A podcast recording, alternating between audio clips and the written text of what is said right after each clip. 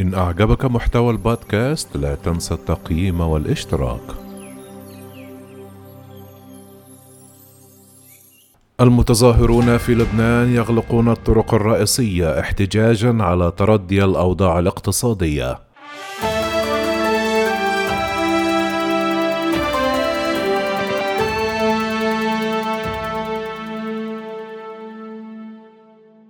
أغلق الاثنين المتظاهرون اللبنانيون عدة طرق عبر أنحاء البلاد بينها غالبية المداخل المؤدية إلى العاصمة وأعرب المحتجون عن غضبهم بسبب تردي الأوضاع الاقتصادية والانخفاض القياسي غير المسبوق لسعر صرف الليرة الذي وصل إلى 11 ألفا مقابل الدولار في وقت تشهد فيه البلاد حالة من التخبط السياسي.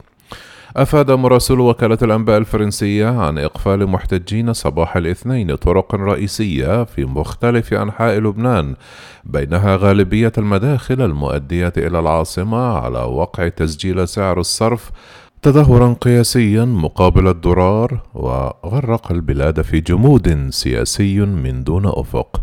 ذكرت الأنباء إقفال غالبية مداخل بيروت تحت شعارات عدة بينها يوم الغضب وأضرم المحتجون النيران في مستوعبات للنفايات وأشعلوا الإطارات كما تحدثت الوكالة الوطنية للإعلام عن إقفال محتجين طرقا عدة جنوب بيروت أبرزها طريق المطار وفي مناطق الشمال خصوصا طرابلس والبقاع شرقا وفي جنوب البلاد. وسجلت الليرة في الأيام الأخيرة انخفاضا قياسيا غير مسبوق منذ دخول لبنان دوامة الانهيار الاقتصادي قبل عام ونصف العام إذ اقترب سعر الصرف مقابل الدولار من عتبة 11 ألفا في السوق السوداء وتسبب ذلك بارتفاع إضافي في الأسعار دفع الناس للتهافت على المحال التجارية لشراء المواد الغذائية وتخزينها.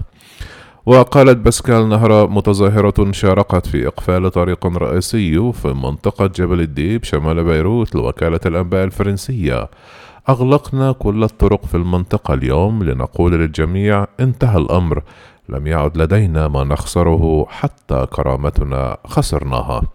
وأضافت الشابة التي كانت تعمل في مجال العقارات بحرقة نريد من كل الناس أن تتضامن معنا وتنزل إلى الشوارع لتطالب بحقها فالأزمة المعيشية تطال اللبنانيين والطوائف كافة ويتزامن إقفال الطرق الاثنين مع دخول لبنان المرحلة الأخيرة من تخفيف قيود الإغلاق المشدد المفروض منذ منتصف الشهر الماضي في محاولة للحد من التفشي المتزايد لفيروس كورونا.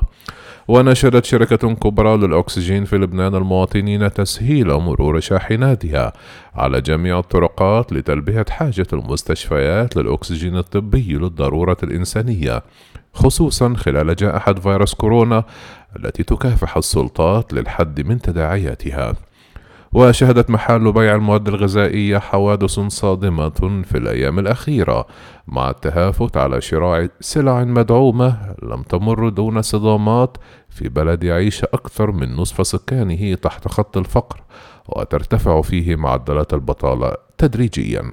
وحذر مرصد الأزمة في الجامعة الأمريكية في بيروت وهو مبادرة بحثية تهدف إلى دراسة تداعيات الأزمات المتعددة في لبنان وطرق مقاربتها في تقرير الاثنين من أنه وإن ظهرت تداعيات انهيار قيمة الليرة جليا في تدهور القدرة الشرائية للبنانيين والمقيمين في لبنان وما يرافق ذلك من تنافس محموم وأحيانا عنيف على ما يعرض من سلع وبضائع مدعومة في بعض المحلات فإن الأسوأ لم يحدث بعد.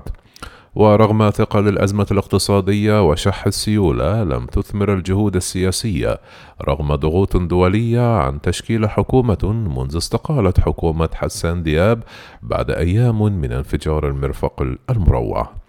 وقال الباحث في الشؤون المصرفية والمالية محمد فعور أن التدهور في قيمة الليرة هو مجرد استمرار لاتجاه واضح نحو الانخفاض في سعر الصرف منذ بدء الأزمة والتقاعس السياسي المزمن. ويشهد لبنان منذ صيف عام 2019 أسوأ أزماته الاقتصادية التي أدت إلى خسارة العملة المحلية أكثر من 80% من قيمتها مقابل الدولار. وفاقمت معدلات التضخم وتسببت بخسارة عشرات الآلاف من وظائفهم ومصادر دخلهم فيما نضب احتياطي المصرف المركزي بالدولار.